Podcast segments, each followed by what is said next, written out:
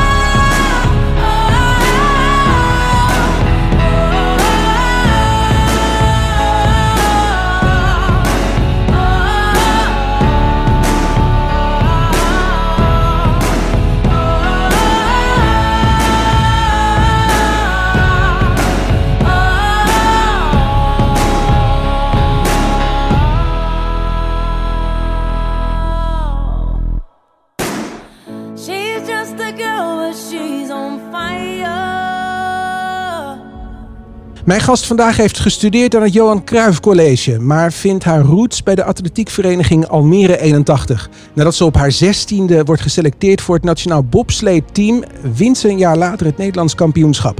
Jaren later haalt ze voor Nederland een gouden medaille binnen met haar stuurvrouwkunsten in de bobslee. Tot in 2014 ze noodgedwongen moet stoppen. Het NOC-NSF besloot om de sport niet langer te sponsoren en daarom moest ze een ander pad kiezen. Na een korte carrière bij de KLM werkt ze nu enkele jaren als intercedent voor het grote Olympia, de uitzendorganisatie. Over haar sportprestaties en ook de draai die ze heeft gemaakt van de sport naar het bedrijfsleven spreek ik vandaag met Marije van Huigenbos. Welkom. Dankjewel. In eh, dit programma draaien de gasten altijd de muziek. Ja. We hebben zojuist geluisterd naar Alicia Keys en Girls on Fire. Wat is jouw verhaal daarbij? ja, dat is wel grappig. Er is ehm, ooit een eh, YouTube-video gemaakt op dit nummer over mij. En daar associeer ik dit nummer altijd nog eigenlijk mee. Ja, zo'n soort van Is klein... het door een fan gemaakt of is het... Door een fan? Ja, nou, een fan. Ja, ja. Dus het was... ehm, ja, als ik dat liedje hoorde, denk ik altijd nog even aan die video. Volgens mij staat het niet meer op inmiddels. Maar ja, dat liedje is toen gekozen als... eh, met, met een soort videootje van allemaal dingen die ik toen gepresteerd had. Dus dat was hartstikke leuk. Ja, en je bent ooit ben je begonnen bij de atletiekvereniging hier in Almere. Ja, Wat was klopt. jouw kant? Wat, wat vond je het leukst? Ja, sprinten. Sprinten? Ja, ik was eh, op de 100 meter en 200 meter altijd al actief. En in de estafette teams. Eh, en verspringen vond ik nog wel leuk. Oké. En die combinatie probeerde ik altijd ook op wedstrijden te doen. En uiteindelijk heb je ook andere mensen getraind, of niet? Ja, heel lang zelfs. De, de, Ja. de jeugd bij de, bij de Almere 81. Ja, heel lang gedaan. heel leuk. Waar gaat het om? Want het gaat, eh, het gaat natuurlijk om uithoudingsvermogen. Het gaat om een klein beetje talent. Maar je moet ook techniek hebben. Ja. Hoe zorg je er nou voor dat je die drie balanceert? Ja, heel hard voor trainen vooral. We hebben ons echt, ehm, nou, acht keer in de week waren we bezig met, eh, met sprinten. We waren bezig met de techniek achter de bobslee. Er stond destijds nog een startbaan in Harderwijk, waar we een karretje op rails duwden. Joh, En dan gingen we achteruit weer terug. Ja, de eerste vijf seconden van de afdalingen trainden we al daar. is dat het belangrijkste? De eerste Eh, vijf seconden? Ja, in, zeker als team is de eerste vijf seconden ongeveer wel het belangrijkste. Je bent met z'n tweeën. Eh, de timing moet perfect zijn. Dus we hebben een soort, eh, ja, een soort, we zeggen een soort van klaar voor de start af, maar dan een beetje in je eigen bobsleetaal. En, Wat is die ehm, blobsleetaal? Ja, wij zeiden altijd klaar. En dan zei ik altijd ja. En dan gingen we. of klaar. En dan oké. En dan gingen we. En dat, in één eh, keer er gewoon vanaf. In één keer. Dan moest je tegelijk, want de remmer maakt een andere soort beweging dan ik. Dus je moest echt tegelijk proberen de bobslee zeg maar te raken in die zin. Zodat je tegelijk eh, de kracht zette om dat ding te Want verplaatsen. welke functies heb je? Eh, piloot, dat was ik. En remmer heette de, de Oké. achterste. En een remmer, dat is gewoon zoals het woord zegt. Die, Ja. Hoe, hoe rem je op zo'n bobslee? En je zit eh, tussen, tussen de remmers en benen een, eh, ja, een, een apparaatje, een, een soort hendel, een soort handrem, waar je die naar beneden, die je eigenlijk omhoog trekt. En dan gaan er een soort eh, haaientanden in, de, in het ijs. Maar dat mag niet tijdens de run, dat doe je echt alleen na de finish. Oh, Dus als remmer tel je de bochten mee. Dus je voelt, ook ga nu naar links, bocht 1 was naar links. En dan de hele baan ga je volgen. En zodra je als remmer weet dat je ook over de finish bent. En dus meteen moet remmen. Ja, Maar voor mij, hè, maar ik ben een leek. Is het, je stapt in een karretje, ja, dan ga je vervolgens ga je een baan af. Dat gaat knijterhard. En uiteindelijk kom je over de finish en dan trekt die remmer die trekt aan de hendel om het karretje stil te laten staan. Is, Ja. is het zo simpel? Ik kan het me niet voorstellen. Ehm, Je bent Nederlands kampioen geworden. ja, Hoe?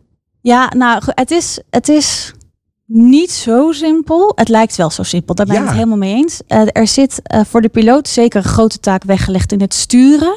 Ehm, heeft met allemaal hele ingewikkelde techniek te maken en, eh, en drukpunten in een bocht en dat soort zaken. En het is eigenlijk de bedoeling zo min mogelijk te sturen, maar wel zo efficiënt mogelijk. Zodat je dus Maar hoe stuur je? Is het door middel van gewicht of zit er Nee, daadwerkelijk een ja. soort van wiel aan? Ja, daar zit een mechanisme in. Er Oh, zit joh. een as in en het trekt aan touwtjes met hendels eraan. En die eh, plaatsen je voorste ijzers naar links of naar rechts. Hm. En de achterkant volgt, eh, volgt dan ook. Maar hoe oefen je dat? Want je kan nu alleen de eerste vijf Ja. seconden kon je toen ter tijd oefenen. Ja, Hoe oefende je de rest?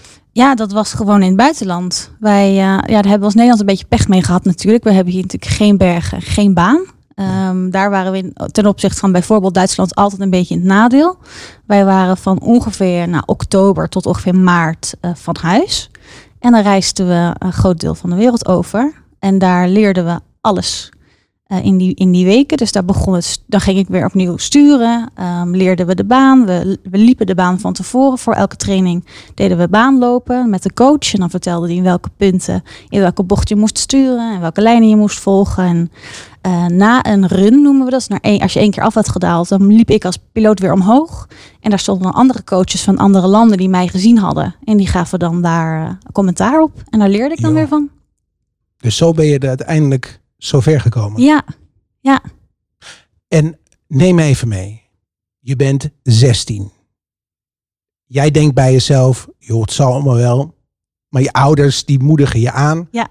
Om auditie te gaan doen. Of eigenlijk om op de selectiedagen te komen. Ja. Om uiteindelijk in het nationale bobsleeteam te gaan. Hoe ging je daar naartoe? Ja, ik dacht, Dacht wel, je- wat doe ik hier? Jawel hè? Ja, ik dacht al helemaal, ik dacht eerst zelf, moeten jullie me dood hebben? Wat is dit voor iets raars? Ga je met een karretje douwen? Ja, Ja. nou letterlijk, dat was het denk ik. Ik had het nog nooit gezien. Ik ken natuurlijk ook de film Cool Runnings wel. En ik had het op de Olympische Spelen wel eens gezien op tv. Maar ik had er helemaal geen beeld bij. Ehm, ehm, maar daar, ja, daar leerde je de eerste stapjes. En eh, die ging al vrij goed met gewoon wildvreemde mensen. En eh, nou, toen heeft dus eh, uiteindelijk iemand mij daar gescout in die zin. En heeft gezegd, joh, ik zie wel wat in jou. wil je verder? Maar ja, toen was het nog een eenzijdige relatie. Ja. Wanneer sprong de vonk over? Wanneer werd je echt verliefd? Nou, eh, na die selectiedag in Harderwijk, vijf weken later, zat ik, eh, werd ik opgepikt door een groepje jongens in een busje op het, eh, toen nog op het, bij het Olympisch Stadion op het plein daarvoor. En eh, mijn ouders zagen me toen gaan en mijn vader is me nog achterna gereisd, want die vertrouwde het voor geen cent. die, eh, Die, dacht, eh, die zie ik nooit meer nee, terug. die zie ik Dus, nooit meer terug. Dus toen gingen we naar Oostenrijk. En ik had nog helemaal geen winterjas. En ik had nog helemaal geen, geen outfits, niks. Ik ben daar Nee. gewoon heen gegaan. En daar heb ik toen de allereerste keer geleerd. Gewoon die baan geleerd, soort van. En toen afgezet. Ga maar zitten. Werd je afgeduwd en zoek het maar uit. en toen ben ik beneden gekomen. En dat gaf zo'n kick. Dat ik, dat ik toen dacht, ja, dit is wel wat ik wil. Ja. Begon je als piloot of niet? Nee, ik heb ook nog een tijdje geremd. Met een ander meisje hebben we het elke keer afgewisseld. Ehm, maar dat remmen vond ik helemaal niks. Dus toen had ik wel bedacht, al gauw, ik wil toch letterlijk de touwtjes in handen. En, eh, en ben ik me daarna, daarna mogen focussen op het piloten, ja, op het sturen. Heb je ook wedstrijden gedaan in je atletiek carrière of niet? Ja, zeker. Ja, NK's ook en zo. Ja, Joh. ja, En sprinten of dat niet? ja, ja, ja. Gewonnen? Nee, nooit een NK gewonnen. Eh NK estafette nog wel eens gewonnen. Met het, met het clubje meiden waar ik toen mee eh, de estafette deed. Maar nee, ik was niet super goed. Wat is nou het grote verschil? Ehm, nou, qua. Ja, ik ben gewoon wat forser en wat breder gebouwd dan, eh, dan ehm, denk ik, atleten over het algemeen.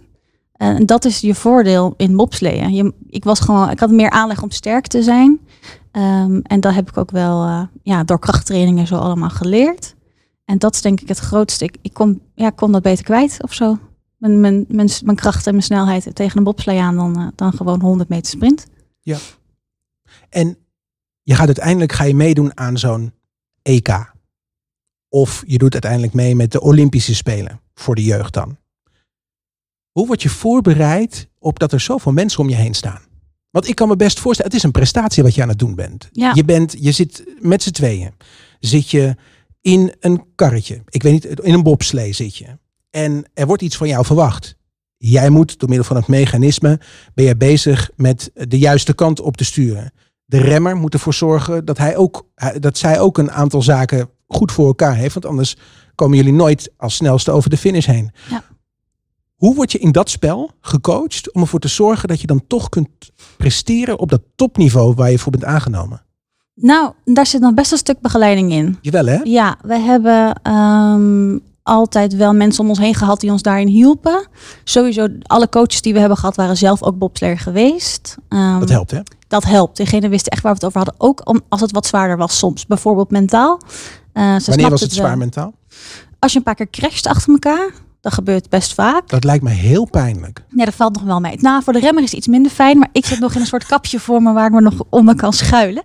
Eh, maar Voordeel dat van gebeurt. piloot zijn. Ja, ja, Ja. dat is wel echt een voordeel van piloot zijn. Nee, ja, dan, ja je, je hebt, je, ik ben dan degene die dat gedaan heeft. En maar als mijn remmer wel pijn had, dan was ik, was ik schuldig daaraan. Ja. Ehm, en als je het een paar keer vlak voor een wedstrijd bijvoorbeeld verpest, dan moet je de wedstrijd nog doen. En dan ga je natuurlijk wel met het gevoel van, nou, ik kan het hier al nu zo goed. Ja. Hoe gaat straks die wedstrijd lopen? Ehm, dan was het soms wel zwaar. Ja. En dan zijn er gelukkig wel altijd mensen geweest die het begrepen. Ehm, de begeleiding is, eh, is heel belangrijk. Ja, altijd. Ook, eh, ook op fysiek gebied. Eh, we hebben altijd begeleiding gehad in de trainingen. Wanneer moeten we eten? Wanneer moeten we slapen? En wanneer moeten we weer trainen? En wa- wat doen we op, op welk dagdeel? Ja, dat is heel belangrijk. Heeft ons ook wel altijd geholpen in het presteren.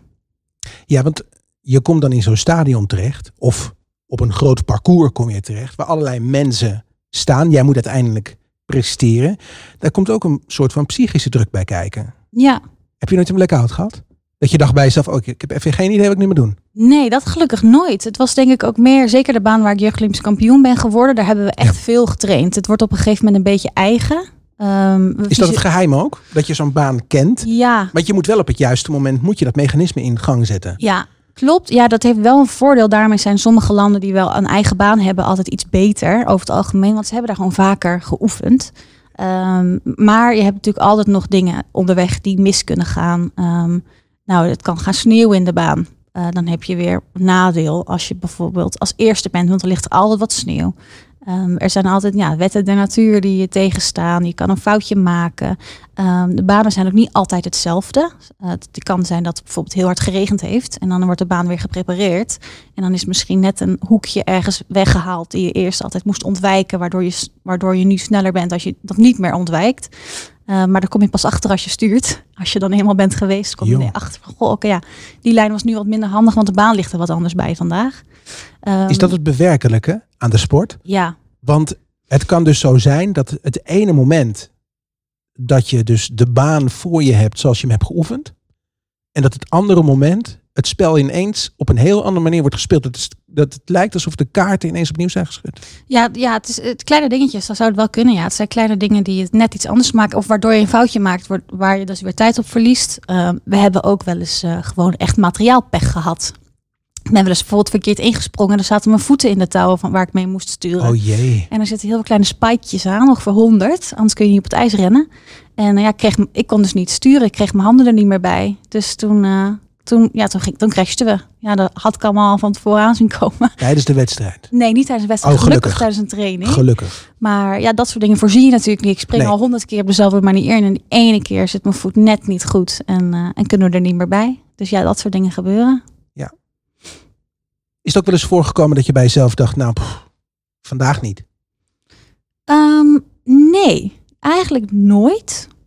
Wel eens dagen gehad dat je ik bijvoorbeeld wel een baan gehad waar, wat niet mijn favoriete baan was. Ja. En dat ik dan toch dacht, oeh, ik weet niet of ik het vandaag uh, helemaal voor me zie, maar je gaat altijd. Was dit een fulltime ding wat je deed? Ja, nou ja, ja. Dus ja. je bent eigenlijk gewoon in dienst van het NOC-NSF of wat, hoe werkt dat? Ja, nou dat geluk hadden wij dus niet. Oh. Um, in principe was ik nergens in dienst. Ik heb er ook geen geld mee verdiend. Uh, nooit. Uh, al het, het prijzengeld wat we verdiend hebben ging eigenlijk meteen weer in de bond. En daar konden wij weer van, uh, van op, op pad. Dus, um, maar ik was wel fulltime. Ik ben ook nou, bijvoorbeeld naar Papendal verhuisd. Um, naar Heerenveen verhuisd, want we moesten trainen in Tialf. Um, de studie op een wat lager pitje. Ik heb het wel gedaan, maar wel juist de sportkant gekozen. Omdat ik het goed kon combineren met het sporten. Want ik sportte natuurlijk liever dan dat, je naar, dat ik naar school ging. Um, dus nee, ja, we, we, waren er fulltime mee bezig. Ja, altijd. Ook in de zomer als we gewoon trainden. Trainen we acht keer per week. Soms woensdag en zaterdag twee keer per dag. En wat deed je voor een opleiding? Uh, dit was sport en coaching. Dat deed je toen al. Dus dat zat al een klein beetje ja, ik heb in de lijn. Ja, ik ben aan mijn HAVO, toen ik mijn HAVO-examen moest doen begonnen. Uh, toen ben ik twee keer gezakt omdat ik toen al aan het sporten was. Kijk. En toen uh, dacht ik, nou laat maar. Dus Ik, uh, de sport heeft eigenlijk een groot gedeelte van je leven beheerst. Ja, heel. Ja, ja, ik ben nu nog bezig met een HBO-opleiding. Ik heb gisteren mijn scriptie verdedigd en gehaald. Maar, uh, Gefeliciteerd. dank je. Ja, ik ben Ja. nu nog, nu nog aan het studeren, omdat ik dat toen niet heb kunnen doen. Ja, Dus dat is, de, dat is de inhaalslag die je nu aan het doen bent. ja weet je wel. Merk je dat op het moment dat je, want daar gaan we straks over praten, en je, bent, je hebt een draai gemaakt. Ehm, tijdens je sportcarrière studeerde je aan de Johan Cruijff College, het Johan Cruijff College.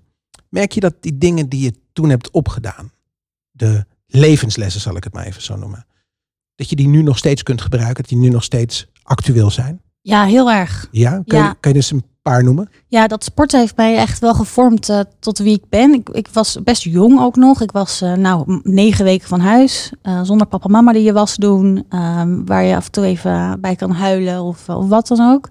Um, dus ik, je wordt wel snel volwassen. Ik heb veel voor mezelf moeten doen. Um, zeker op het laatst, toen NOC-NSF ons niet meer wilde of niet meer ging steunen. Toen moesten we ook eigen sponsoren zoeken. Dus ik was echt bezig met de commerciële kant, het managen. Ik moest mijn eigen team onderhouden. Uh, de hotels moesten geboekt, de vliegtickets moesten geboekt. Uh, dat heb ik allemaal zelf moeten doen. Dat is wel, dat is de business achter de sport. Ja, en daar heb ik nooit van tevoren. Je wil gewoon sporten als atleet. Um, en daar ben ik toen wel uh, mee bezig, heel veel mee bezig geweest. Ja, en daar heb ik ook heel veel van geleerd. Ook om heel erg omgaan met tegenslagen bijvoorbeeld. Ik denk dat ik dingen veel sneller nu kan relativeren omdat ik snap, ja, het is niet het einde van de wereld of het komt wel goed. En dat is wel, heb ik wel door mijn sport geleerd. De dingen die je hebt opgedaan hè, tijdens het zelfmanagen van jouw team. Want je bent bezig met niet alleen levensonderhoud voor jezelf, Maar je voedt ook andere monden. Ja. Dacht je toen niet op een gegeven moment bij jezelf van ja, wacht even. Ehm, het NOC-NSF dat ondersteunde ons. Nu is dat niet meer zo. Maar uiteindelijk gaat me dat wel opbreken. Is dat, is dat een van de redenen geweest dat je uiteindelijk ermee bent gestopt? Ja, dat is de reden geweest dat ik er uiteindelijk mee gestopt. Oh, Ja, ja het was, ehm, kijk, als atleet, le- je leeft als atleet. Het enige wat je wil is sporten, beter worden. Je houdt er rekening mee. met leef je of word je geleefd? Nou, af en toe word je wel een beetje geleefd. Jawel, Zeker hè? in, In eh, welke- in de in winter. welke- In welke periode was dat bij jou? Ja, de je- winter. Jawel? Ja, ja, ja, als wij. ehm, ja, er werd veel gezegd wat we moesten doen. Eh, we moesten bijvoorbeeld ja, trainen op bepaalde tijden. We, moesten daarvoor ook sporthallen bijvoorbeeld afhuren in het buitenland. En je ritme is daar heel erg op ingesteld. Ehm, ik had ook maar hele korte momenten thuis. Eh, als we een keer tussendoor eh, geen wedstrijd hadden, dan was ik bijvoorbeeld een weekend thuis. Nou, dan heb ik geen tijd om, eh, om tien mensen te zien. En daar moet er ook nog gewoon getraind worden. Dus daar was, ja, werd je wel een beetje geleefd. En zeker winters was dat soms moeilijk. Ehm, zomers hebben we ook altijd doorgetraind. Ehm, veel eh, hier op de atletiekbaan, maar ook eh, in Harderwijk natuurlijk veel eh, ge- gezeten. We hebben trainingskampen door heel Nederland zelf georganiseerd. Het was, veel, was veel werk en dat vond ik uiteindelijk ook het minder leuk. Het, het lukte ook niet. We hebben uiteindelijk geen eigen sponsor kunnen vinden. Goed genoeg om, om ons een heel seizoen op weg, op weg te helpen. Ehm, ja, en dan zo langzaam zie je ook andere mensen in je omgeving andere dingen doen, andere keuzes maken. En toen dacht ik bij mezelf, misschien moet ik ook eens kijken wat er nog anders is dan alleen maar bobsleeën. En eh, zo ben ik uiteindelijk dus ook gaan werken. Als we kijken naar de sport en het leven dat je toen leidde, om het zo maar te zeggen. Een vraag die ik aan bijna iedere sporter stel die hier bij mij aan tafel zit is, hoe zorg je er toen ter tijd en hoe zorg je er nu voor dat je soms niet aanstaat? Want je bent continu bezig met presteren. Dat is wat je continu aan het doen bent.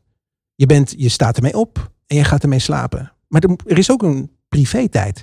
In de zin van dat je tijd voor je gezin hebt, of dat je tijd voor vrienden hebt, eh, of vrije tijd voor jezelf om gewoon even te relaxen.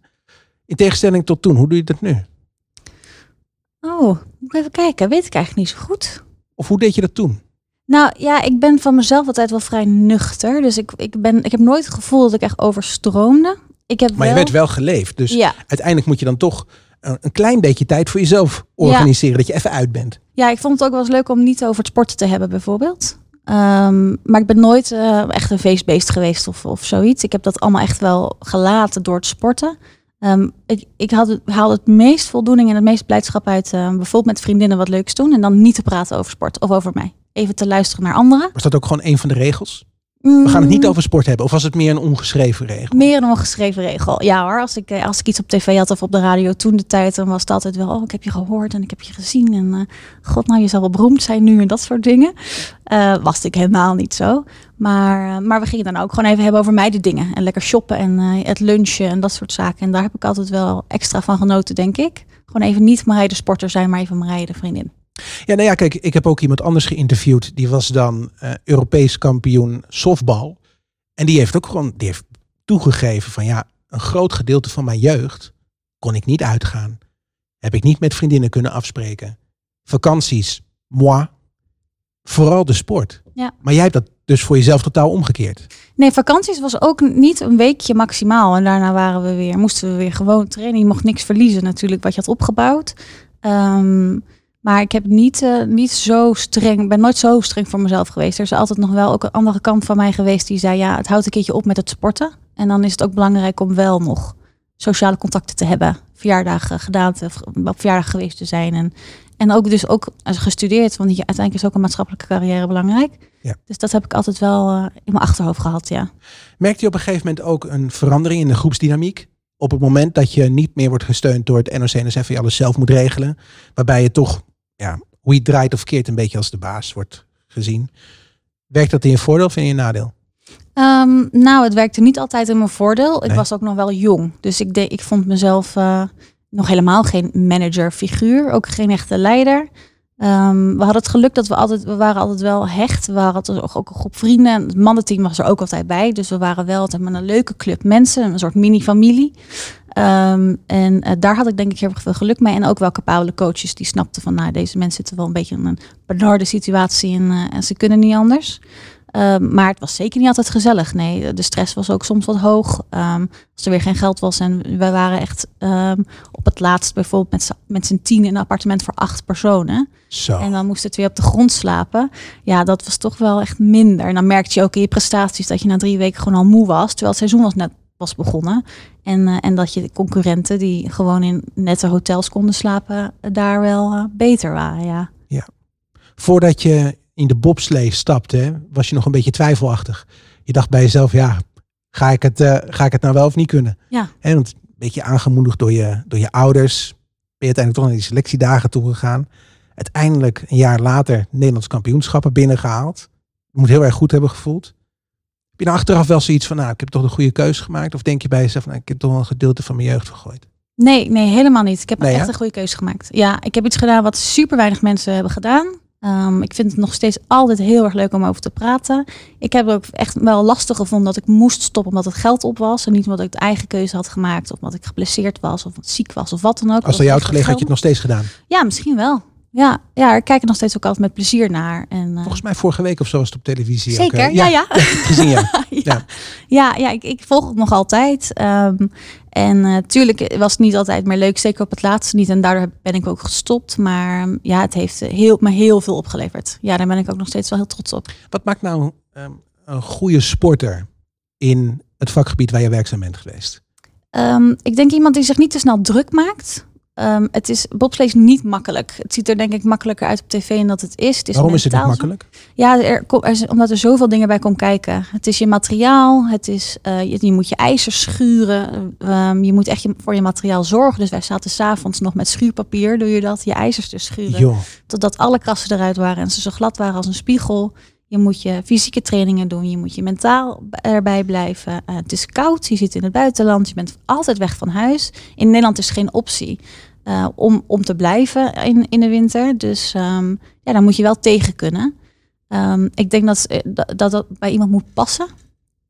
En daardoor denk ik dat iemand mentaal, of nou mentaal, je moet in ieder geval niet je heel snel ergens druk om maken. Dingen gebeuren gewoon zoals het gebeurt. Je moet er voor kunnen, je moet er echt voor kunnen opstaan elke dag. is dat ook de instructie die je meekreeg? Joh, Marije, wat ook gaat gebeuren, eh, zorg in ieder geval voor dat je je niet druk maakt. Want het gaat zoals het gaat. Het bobslee gaat, eh, gaat in ieder geval omhoog. En uiteindelijk gaan we naar beneden. En Ja. wat daartussen gebeurt, het, Ja. het zal gebeuren. Ja. Is dat ook echt, is dat zo ingeprent? Ja, bij sommige coaches wel. Sommige coaches waren wat minder zo. Maar sommige coaches hebben wel gezegd, joh, ja, je kan het allemaal wel proberen goed te doen. Maar soms lukt het niet. Nou ja, dan lukt het niet. Ja, kijk, als je bijvoorbeeld naar. Is ook een hele gepassioneerde sport. maar als je bijvoorbeeld naar voetbal kijkt. Dat dat gaat natuurlijk met veel meer emotie, Ja. om het zo maar te zeggen. Heb je dan ook echt geleerd, of zou je dan kunnen zeggen, dat bobslee ehm, nog steeds met diezelfde passie gaat. Maar dat het het beste is, ook voor de rikketik, om de emotie wat op een lager pitje te zetten? Ja, ja, zeker als piloot. Want we zijn heel vaak eh, een beetje, ja, toch een beetje opgefokt aan de start. Je moet zo, zo hard mogelijk tegen dat ding aan duwen. En het was, je sloeg altijd even op je benen van tevoren. En, maar Ja, zodra moet, je, je... moet je jezelf echt oppeppen? ja, we wel hoe, zwaar gedaan. is, hoe zwaar is zo'n bobslee? Minimaal 170 kilo. Ja, en dan hebben we altijd nog een beetje gewicht erin gedaan, want we waren zelf wat licht. Dus eh, je mocht maximaal als vrouw even uit mijn hoofd 360 kilo wegen. Inclusief slee, materiaal, helm, pak en dat soort zaken. De volledige Ja, het hele pakket. package. Ja, dus eh, we proberen natuurlijk zo dicht mogelijk bij dat maximale gewicht te zitten. Hoe, hoe zwaarder, hoe sneller. Ja. Alleen hoe meer gewicht je in de slee stopte, hoe zwaarder dat ook weer werd om te duwen. Hm. Dus eh, we proberen dat altijd op onszelf. Dus je probeert zo gespierd mogelijk te worden. In ieder geval zo zwaar mogelijk. Eh, maar wel functioneel. Dus ook ehm, nog steeds snel blijven. Ja, dus je was er altijd mee bezig. Ja, straks ben ik benieuwd naar het moment eh, dat je voor het eerst het WK won. Eh, sorry, het eh, NK, excuus. En we gaan nu natuurlijk ook nog even naar muziek luisteren. Muziek die jij hebt uitgekozen. Bruno Mars en 24K Magic. Wat is het verhaal daarbij? Nou ja, dat vind ik eigenlijk gewoon een heel lekker nummer. Ik heb er altijd goed op gesport. Ik had al training daar fijn bij. En ja, ik, vond het altijd, ik werd er altijd vrolijk van. En luisterde ik graag naar. Dus op het moment dat je je even down voelt, dan eh, zet je Bruno Mars Ja. op en dan gaat het weer wat beter. Ja, ja. Oké, we gaan er naar luisteren. Hier bij Sportradio Easy FM hoor je nu Bruno Mars en 24K Magic.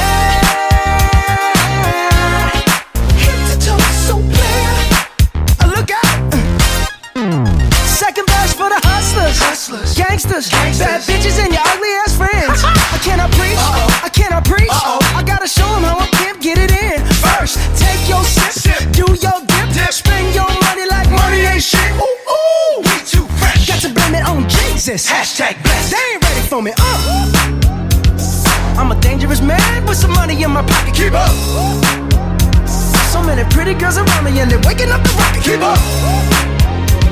Why you mad? Fix your face. Ain't my fault they all be jocking. Keep up. Players only. Come on, put your pinky rings up to the moon. Hey girls, what y'all trying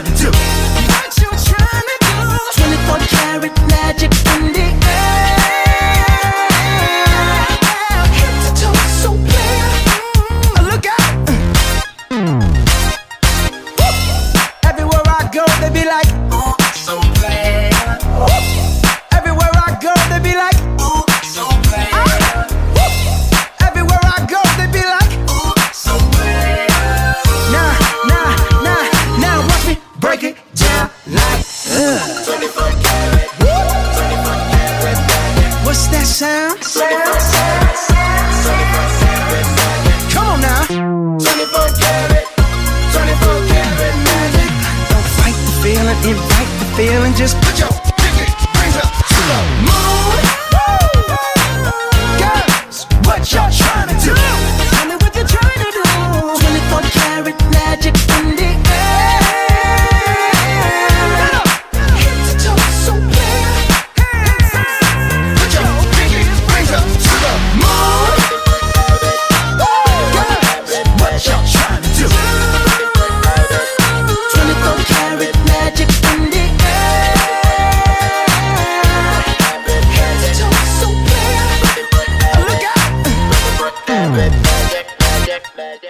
Mars en 24K Magic hier bij Sportradio Easy FM op Easy FM. Mijn naam is Jonathan Baai en ik zit hier vandaag met Marije van Huigenbos. Ze is onder andere voormalig Nederlands kampioen bobslee en heeft voor Nederland ook de gouden plak gehaald op de Junior Olympische Spelen. Marije, we gaan even terug naar het moment dat jij je bobslee vooruit moet gaan duwen. Samen met je collega. Het is het NK. Je wil natuurlijk de winst pakken. Hoe ging dat? Nou, dat was nog best wel spannend, want eh, het was ook een soort meetmoment om te kijken of uh, degenen die gescout waren op dat moment ook goed genoeg waren. Joh, je werd echt... Een beetje getest wel. Jawel, hè? De ja. stond langs de lijn. Ja, de families waren er allemaal bij. Uh, tegen die tijd waren ook de nummer 1 en 2 Nederlandse teams. Ik, dat was ik toen nog niet. Uh, waren er ook bij, degene die gewoon naar de Spelen zijn geweest. En, uh, en ja, echt een grote mensen waar ik toen echt nog echt ook tegen opkeek. En dat waren ook meteen mijn concurrenten. Dus, dus dat was, was, wel, was wel interessant. Um, uiteindelijk, uh, ja, het was op dezelfde baan als waar ik altijd al trainde. Ook omdat daar de Jeugd Olympische Spelen gehouden werden. Dus ik werd, kreeg steeds meer feeling ook met de baan. En ik vind het nog steeds leuk om, uh, om daar wedstrijden bijvoorbeeld te kijken. Um, dus dat voelde toen wel heel goed. Het voelde een beetje alsof het eindelijk een keer lukte. Dat wat ik deed ook goed ging. En dat ik een beetje doorkreeg. Oh, ik kan dit denk ik ook wel echt. En toen ging je over de finish heen. En wanneer is dan het moment, wanneer komt dan het moment dat je de klok ziet? Want dat is het belangrijkste. En dat je denkt bij jezelf, nou, dit zou nog wel eens een goede tijd kunnen zijn. Dit zou nog wel eens een tijd kunnen zijn waarmee we kunnen winnen. Um, dat komt ja, daar op die baan pas uh, als je weer terug bent eigenlijk. Want je, je schiet altijd even door met je bobslee. Dus de tijdklok zie je in een flits. En dat zag ik toen nog helemaal niet. Nee. Uh, dus als ik weer terugliep en uh, dan ging ik altijd even kijken. Ik oh, hoe staan we er eigenlijk voor? En dan zag je de uitslag, ja. ja. Hoe heb je geleerd om met teleurstellingen om te gaan? Want we hebben het er straks zo een klein beetje erover gehad. Um, je moet je niet te druk maken met uh, bobslee. Uh, het komt ook regelmatig voor dat je crasht. Het komt ook wel eens voor dat materiaal niet helemaal meewerkt. Hoe, um, hoe ga je daarmee om? Want ik kan me best voorstellen, je hebt natuurlijk niet al die tijd getraind in het buitenland, want in Nederland kan je alleen de eerste vijf seconden trainen, om vervolgens een wedstrijd te draaien voor de helft. Ja, ehm, nou, ja, ik vond het altijd moeilijk. Ik, ik mocht van mezelf altijd wel even balen. Dat was prima. Ik, ik ben niet, eh, eh, nou, ik hoefde nergens tegenaan te schoppen of zo. Ik baalde gewoon dat ik, dat ik het zelf, vaak had ik het zelf eh, verkeerd gedaan, verpest of verkeerde stuurbeweging gemaakt of te vroeg of verkeerd ingeschat of wat dan ook. Ehm, daar mocht ik altijd wel even van balen, maar niet te lang, want er zijn altijd ergere dingen in de, in de wereld. En ja, het is nog niet meteen allemaal verpest. Je kan, je kan het altijd nog goed maken, je kan ervan leren, je kan, eh, ehm, daar, je kan er altijd wat mee doen. En dat, zo heb ik het altijd wel eh, geprobeerd mezelf eh, voor te houden. Heeft dat uiteindelijk ook geholpen met het behalen van de gouden plak? Om die naar binnen toe te halen? Ja, dat denk ik wel. Ja? Ja, vergeleken met de concurrentie ook was ik denk ik degene die, ehm, die ja, misschien dan de rust sneller kon winnen. Al moet ik zeggen dat het tussen de eerste en de tweede run toen wel heel zenuwachtig geweest. En ook ja, neem me even mee in dat moment. Neem me even mee naar die dag. Ja, Dat is een ehm, belangrijk dag in je leven geweest. De gouden plak Ja. neemt niet iedereen mee naar huis. Nee, nee, ik- nou nee. Ehm, nee, ik heb ehm, daar heel hard voor gewerkt. We hadden daar ook kwalificatiewedstrijden. eh, we hadden vier kwalificatiewedstrijden gedaan. eh, en ik kwam toen al naar voren als de favoriet. Er kwam best wel veel op je af op dat moment. We hadden een, een tv-ploeg van de Zepsport die ons volgde. Eh, er waren ineens dopingcontroles die nog niet eerder op een wedstrijd eh, had hoeven doen. Er staat allemaal hele, ja, het was heel professioneel natuurlijk. Het is allemaal eh, groot. Het was op tv, het was op internationale tv. Dat is wel. Was Welk wel- land was het toen? Het was toen in, in Oostenrijk. In Oostenrijk. Ja. Eh, dus er, was, er kwam veel meer bij kijken dan dat ik gewend was. Wat wel een beetje overdonderd was. We sliepen ook in een Olympisch dorp. En eh, de koning was langs geweest. Toen nog de prins. is mooi hè? maar ja, dat was heel bijzonder. Ehm, eh, en nou goed, omdat ik de favoriet was en mezelf die druk ook een beetje had opgelegd, stond ik na de eerste run, of na de tweede run eigenlijk tweede. En ja, dat vond ik natuurlijk toen niet de positie waar ik had willen zijn. En ehm, nou, uiteindelijk is dat goed gekomen en heb ik me in de laatste runs weer verbeterd. Maar tussendoor had ik wel even van, ja, dit is niet de bedoeling. Ik zou hier moeten winnen. Ik ben de favoriet. Er kijken hartstikke veel mensen mee en, eh, en ik moet dit nu winnen. Spreek je jezelf op dat moment ook zo toe? Ja, en ik, en ik was even naar mijn moeder gegaan toen ook. Oh, Die wel? heeft me ook Ja. geholpen. Ja. Zo van, mam, help eens even. Ja? Mam, ik moet even wat wijze woorden horen. Dus dat heb ik toen ook gedaan. Wat zei dat ze heeft toen? geholpen. Weet je dat nog? Ja, nou niet helemaal precies, maar het zal eh, ongetwijfeld neer hebben gekomen op eh, je kan het gewoon. Niet zeuren. Je kan het. Gaan. Ja, ja, doe gewoon wat je altijd doet, dan komt het wel goed. En eh, dat is uiteindelijk ook gelukt toen, ja. Ik, ehm, ik zie je helemaal... Je, je begint helemaal te lachen op het moment dat je het erover hebt. Ja, ik vind dat ook nog steeds hartstikke leuk. Kan ik me voorstellen, zeker. Uiteindelijk besluit je om de sport te verlaten. Ja. Je maakt de turn. Ja. Echt 360 graden. Je besluit om voor een baas te gaan werken. En in eerste instantie werk je dan voor de KLM. Ja. Maar uiteindelijk ben je nu terechtgekomen bij een uitzendorganisatie. Welke tools gebruik je nu uit de sport om de juiste mensen eruit te pikken? Want ik kan me voorstellen, er is, er is een markt waar je u tegen zegt. Een berg met mensen die zoeken naar werk. Hoe kies jij de juiste eruit? Want dat is jouw werk. Ja, dat is zeker mijn werk. Ehm, nou goed, er zijn natuurlijk altijd eisen waar iemand sowieso aan moet voldoen. Dat begrijp ik. Ehm, daarnaast heb ik altijd geleerd dat ik ook een beetje naar mijn gevoel moet luisteren. Ehm, mag niet altijd. Je moet altijd natuurlijk wel een beetje objectief blijven. Maar ja, toch is die gut feeling wel altijd, eh, klopt vaak wel. Dus ik heb, en dat doe ik nog steeds ook wel vaak. Als het iets niet goed voelt, doe ik het ook gewoon niet. Want eh, nou, dat heb ik wel geleerd. Dat werkt dan ook gewoon vaak niet. En eh, dat probeer ik nu een beetje te doen in combinatie met natuurlijk gewoon netjes blijven en, eh, en objectief kijken naar een persoon. Maar als ik eenmaal kan, dan geloof ik nog steeds wel op mijn eigen gevoel, ja. Wat is nou de kunst van een goede sollicitatie? Heeft even helemaal niks met sport te maken. Het gaat Nee. niet over wat je nu doet. Want ik, ben, Ja. ben daar wel benieuwd naar. Want eh, ik kan me best voorstellen dat er nu iemand thuis zit en die denkt bij zichzelf, nou, ik ben nog op zoek naar een baan. Ja, Wat, wat is nou de kunst van een goede sollicitatie? Ja, ik hou er dus altijd van als iemand gewoon eh, oprecht in zichzelf is. En je niet gaat voordoen als iemand anders. En ik, ik geloof dat heel veel mensen de neiging hebben omdat ze heel, heel goed hun best moeten doen om een baan te krijgen. Ehm, maar ik denk dat iemand ook aangenomen kan worden, niet per se op je skills, maar ook gewoon op de persoon die je bent en misschien de ervaring die je hebt. Ehm, en ik vind dat mensen dat wel mogen laten zien in de sollicitatie. Wat is nou de meest gemaakte fout? Ehm, ik, Of nou, Nou. laat ik het zo zeggen. Wat zou over het algemeen beter kunnen als je kijkt naar de sollicitaties die je binnenkrijgt? Want je krijgt een zee van sollicitaties binnen, kan ik me voorstellen. ja, ik, waar, waar, wat ik het wat lastigst vind is als mensen eh, solliciteren om het solliciteren. En dat, dat merk je al heel gauw. Pik je die eruit? Ja, heel snel. Ja. Ja, dan denk ik, je moet wel iets doen waar je echt, wat je echt leuk vindt. Want dan kan je het ook doen. Als je het moet omdat het moet, dan hou je het niet vol twee weken. Ehm, ik ben ervan overtuigd als je een baan hebt die je echt leuk vindt, dat je daar ook gewoon een beter mens van wordt en gelukkiger wordt. En ja, dat lijkt me toch dan ook heel belangrijk.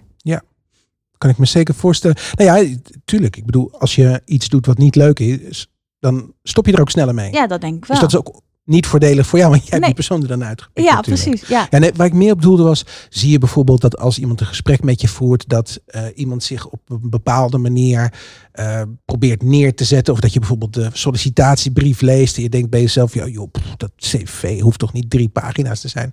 Snap je? Maar dat je dat zo vaak langs ziet te komen, dat je denkt bij jezelf, nou dat zijn wel dingen die opvallen. Ja, lange cv's zijn sowieso niet handig. Maximaal twee pagina's. Maximaal twee Ja, pagina's. je middelbare schooldiploma hoeft er ook niet op te staan. Dat geloven we allemaal wel. Ehm, ja, ik, je, het gaat natuurlijk eigenlijk om de meest relevante ervaring voor die baan. Dus daar zou ik absoluut meer dan juist in uitlichten in je cv. Eh, of in een motivatiebrief. Ja. Ja. terug naar de, terug naar de sport. Ehm, want ehm, in de tijd dat jij bezig was eh, met de sport, ben je natuurlijk ook een heleboel talenten tegengekomen. Ehm, had je wel zoiets bij jezelf als je op die baan stond, dat je dacht van nou, die rij ik er wel uit.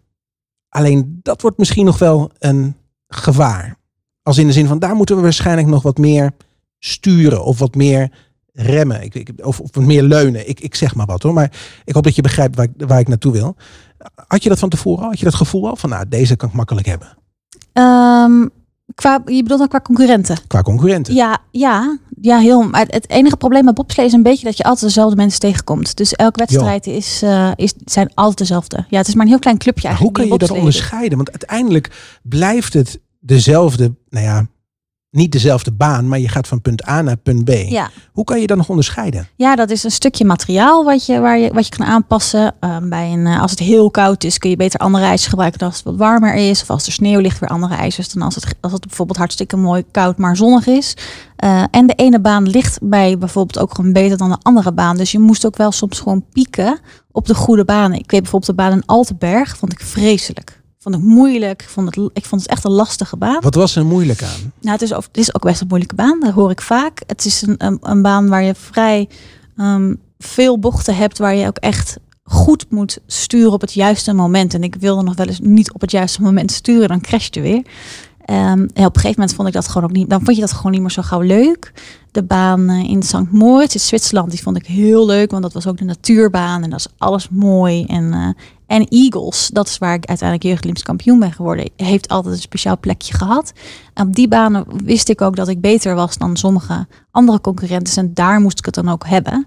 Ehm, ik wist ook dat ik in Altenberg misschien niet de beste zou zijn. Maar je doet natuurlijk altijd je best. Ja. Eh, maar dat, dat verlies nam ik dan ook wel. Ik denk, nou goed, ja, ik ga hem alles doen. Maar als, ik kan hier waarschijnlijk geen eerste worden. Nou ja, goed. Dan maar derde of nou, zeg maar wat. Maar dat is wel, eh, was wel hoe ik erin stond. Uiteindelijk ben je dan in de wedstrijd. Wanneer komt het moment dat je gaat genieten? Zodra je aan de start staat, had ik dit. Jawel? Ja, ja, er was toen ook nog altijd veel publiek bij. Eh, je naam werd geroepen. Zeker bijvoorbeeld Winterberg is een populaire Nederlandse skiplek. Ja. En de bobsleebaan, de startbaan, is aan de skipiste. En we hadden altijd een fel gekleurd oranje bobslee. En er stond altijd Nederland achterop ons pak. Dus iedereen stond met de glühwein langs de Nou, kant. Ja, echt? echt. Ja? Ja, ja. Oh. En ook vanaf de skipistes werden we nog... eh, de zwarte piste stond erachter. Mensen stopten gewoon om, om even te schreeuwen.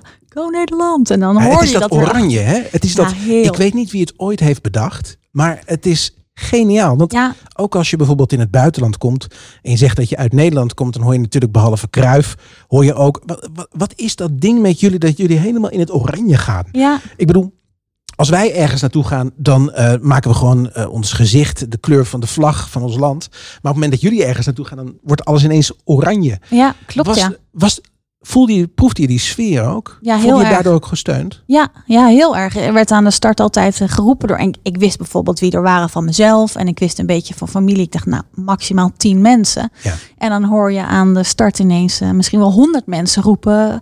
Kom op, je kan het. En dan denk ik, jeetje, wie zijn al deze mensen? Maar dat waren gewoon toevallige ehm, nou, toeristen in Winterberg. Die, die ineens dachten, hé, hey, er is een bobsleewedstrijd. Dat wil ik graag zien. En toen bleek Nederland ook nog eens mee te doen. En dat, die support was altijd heel leuk. Daar kreeg ik super veel energie van. Ja. Wat is nou de keerzijde van de sport? of de sportwereld? De keerzijde is voor mij ehm, de afhankelijkheid van eh, in dit geval financiële middelen. Zeker in bobslee vond ik dat wel echt moeilijk. Het is een dure sport. Je komt, eh, je komt met eh 30.000 euro per seizoen. Dus dan heb je het over een half jaar. Ehm, dan, dan zit je nog karig. Zo. En dat is uh, vrij veel geld. Ja, ik snap heel goed dat mensen altijd zeiden... ja, maar het is ook niet op tv bijvoorbeeld. En eh, je kan het niet echt vinden. Het is niet een hele zichtbare sport. Het is Ehm, een niche. ja, echt. En als je wel sponsoruitingen wilde, dan moest dat altijd op je helm of op de slee. Maar dat zag je ook maar een paar seconden. eh, als het al op tv was, op tv. Dus ehm, dat, dat vond ik altijd het moeilijkste. Afhankelijkheid van anderen. Hoe kwam je rond?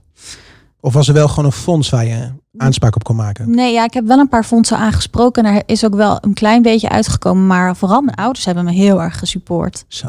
Ja, ja ik woon gelukkig ook nog thuis. Dus ik had geen vaste last aan die kant. Maar, Had ook met de leeftijd natuurlijk te ehm, maken. Ja, zeker. Ja. Ja, ja, Maar het is, eh, ja, die hebben echt alles gedaan, ja. Hey, de toekomst. Hoe gaat die voor je eruit zien? Want je werkt nu een tijdje bij ehm een uitzendorganisatie. Ja. Stel je voor dat je nou op een dag wakker wordt en je denkt bij jezelf, nou joh, vind het wel mooi geweest. Ga je dan weer terug de sport in? Nou, ik zou denk ik niet meer als atleet dus terug kunnen. Ik ben in ieder geval fysiek niet meer zo goed als toen. Ik zou qua leeftijd nog wel kunnen, want bobslee kan je gelukkig nog doen als je ook in je 30, in je 30 jaar nog bent. Dan ben je vaak in de atletiek al, al oud. Ehm, ja, ik zou, nee, ik zou geen sporter meer worden, denk ik. Het is, ehm, een maatschappelijke carrière is namelijk ook leuk en belangrijk. En ik kan hele andere dingen doen eh, nu dan toen ik sportte. We, mijn vriend en ik gaan graag op reis bijvoorbeeld. Dat kon echt niet. We hadden maar een weekje vakantie. Ja, En anders was het trainen. Nou, we hebben een eigen huis gekocht. En ik was natuurlijk eerst altijd gewoon heel afhankelijk. Ook bij papa en mama nog. En nou, allemaal heel veilig. Maar uiteindelijk wil je ook gewoon op je eigen benen staan. En dat kan natuurlijk nu wel allemaal. Ehm, en dat vind ik ook wel fijn.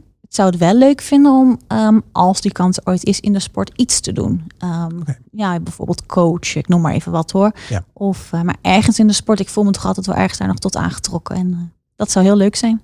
Stel je voor dat er op dit moment iemand aan het luisteren is. Waarvan de zoon of dochter iets in de sport wil gaan doen. Jij hebt deze sport en überhaupt ook nog een aantal andere sporten natuurlijk op hoog niveau. Heb je dat beoefend? Wat voor een advies zou je kunnen meegeven? Als diegene nog niet sport nu, Stel je voor dat hij bezig is en hij wil een, hij wil een trap hoger, niveau hoger, level up. Ja, ja, je moet er, dat je er alles moet uithalen wat erin zit, maar ook wel moet trainen. Het komt niet allemaal aanwaaien. Eh, fysiek fysiek eh, goed blijven is natuurlijk heel belangrijk. Daar moet je ook echt wat voor doen. Je moet er veel voor opgeven. Ehm, maar dat moet je wel doen. Het is niet dat het allemaal aankomt waaien en heel makkelijk gaat. Ehm, je moet er echt voor werken. En eh, ik heb het altijd heel leuk gevonden. En ik denk dat dat ook wel de kracht is van een sporter. Je doet echt iets waar je gepassioneerd over bent. En daardoor geef je dingen op. Eh, maar ik weet ook van mensen die dat, die dat nooit gekund hebben. En dat, maar die hebben het ook niet gehaald. Ja, kampioen word je ook niet zomaar. Hè? Precies. De gouden moet- plak hou je niet zomaar Nee. binnen. Nee, dat is, daar moet je wel iets voor doen. Ja, ja. inderdaad. Ja. Goed, Marije van Huigenbos, dankjewel voor vandaag. Ja, graag gedaan. Je hebt natuurlijk nog wel een track uitgekozen die we nog wel even gaan draaien. Ja. Want in dit programma kiezen de gasten de muziek. Queen en Don't Stop Me Now. Waarom dit Ja. legendarische nummer? Ja, omdat het een legendarisch nummer is, denk ik. Het is eh, natuurlijk helemaal nog niet van mijn, eh, van mijn leeftijd. Ik ben 27, dus een beetje nog ouder dan ik. Maar het is echt eh, ja, een nummer ik altijd leuk vond om te luisteren. Ehm, heeft natuurlijk ook een beetje met een, er zit een soort drive in dit liedje dat me altijd wel geholpen heeft. En ja, ik vind het gewoon een heerlijk nummer. We gaan er naar luisteren. Dit was Sportradio Easy FM voor deze keer. Ik hoop dat je de volgende keer weer luistert. Want dan zit hier tegenover mij weer iemand anders die of in de sport werkt. Of eh, ja, in de sport actief is en daar een hele mooie prestatie mee heeft gehaald. Voor nu hoor je hier Queen en Don't Stop Me Now op Easy FM. Tot de volgende keer.